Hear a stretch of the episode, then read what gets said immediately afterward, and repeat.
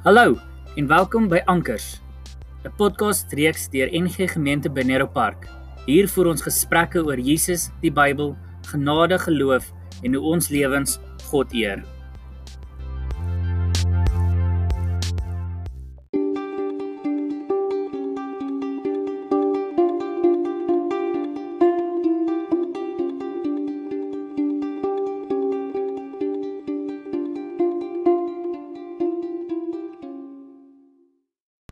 Goeiemôre. Ons is ver oggend by 1 Korintiërs hoofstuk 7. Die hele hoofstuk 7 gaan rondom verhoudings, spesifiek in die huwelik tussen man en vrou, getroudes, ongetroudes en so aan. En Paulus begin hierdie hoofstuk deur te sê hy antwoord 'n klompie vrae wat die mense vir hom gestuur het. Hier's vir my 'n paar goed, so drie goeters wat ek net vinnig gaan noem. Die eerste ding is dat mense gedink het um omdat hulle spoedige wederkoms verwagting gehad het dat hulle moenie nou trou nie want as hulle trou dan kom Jesus en dan was dit amper verniet gewees. So hulle het 'n spoedige wederkoms gehad in die sin dat hulle het geglo dat in hulle leeftyd nog gaan Jesus weer kom. Want hy het gesê nog net 'n kort rukkie dan is ek weer by julle. So dit is wat hulle verstaan het. Hulle sou nie iets anders verstaan het nie. Ons gaan later in 1 Korintiërs 15 lees oor hoe hulle gedink het oor mense wat gesterf het en Jesus het steeds nie gekom nie. So dis 'n een ding, hulle het 'n spoedige wederkomsverwagting gehad. daarmee saam wil ek sê vir al die tyd wat ons nou is, hoeveel mense in goed ek al gelees het en wat mense vir my stuur van ons is nou in die eindtyd en um ons dit was nog nooit so naby in die eindtyd en ons moet nou regmaak en al sulke goeters.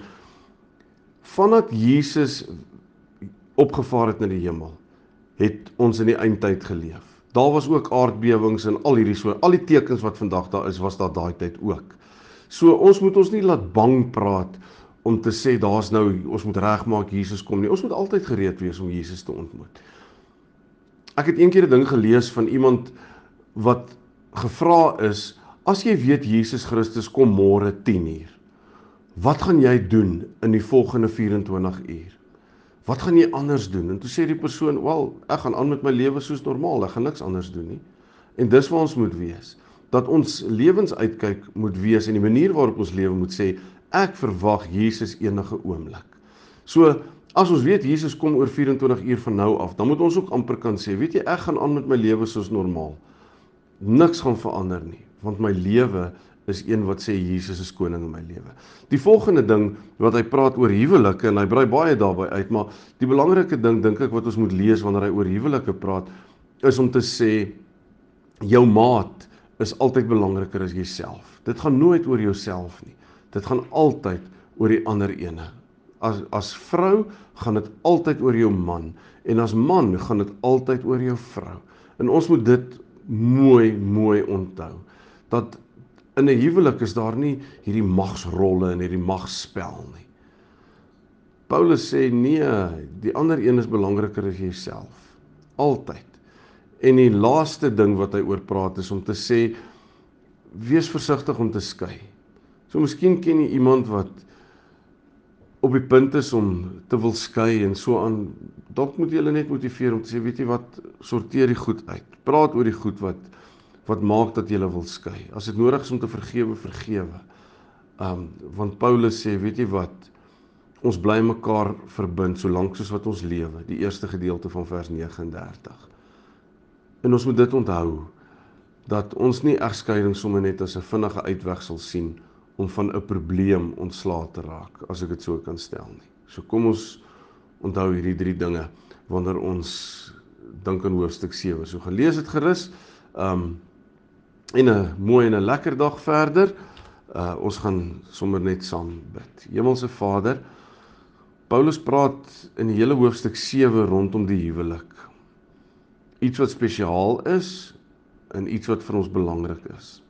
So ons wil ver oggend bid vir ons huwelike. Huwelike vir elkeen wat hier hoor.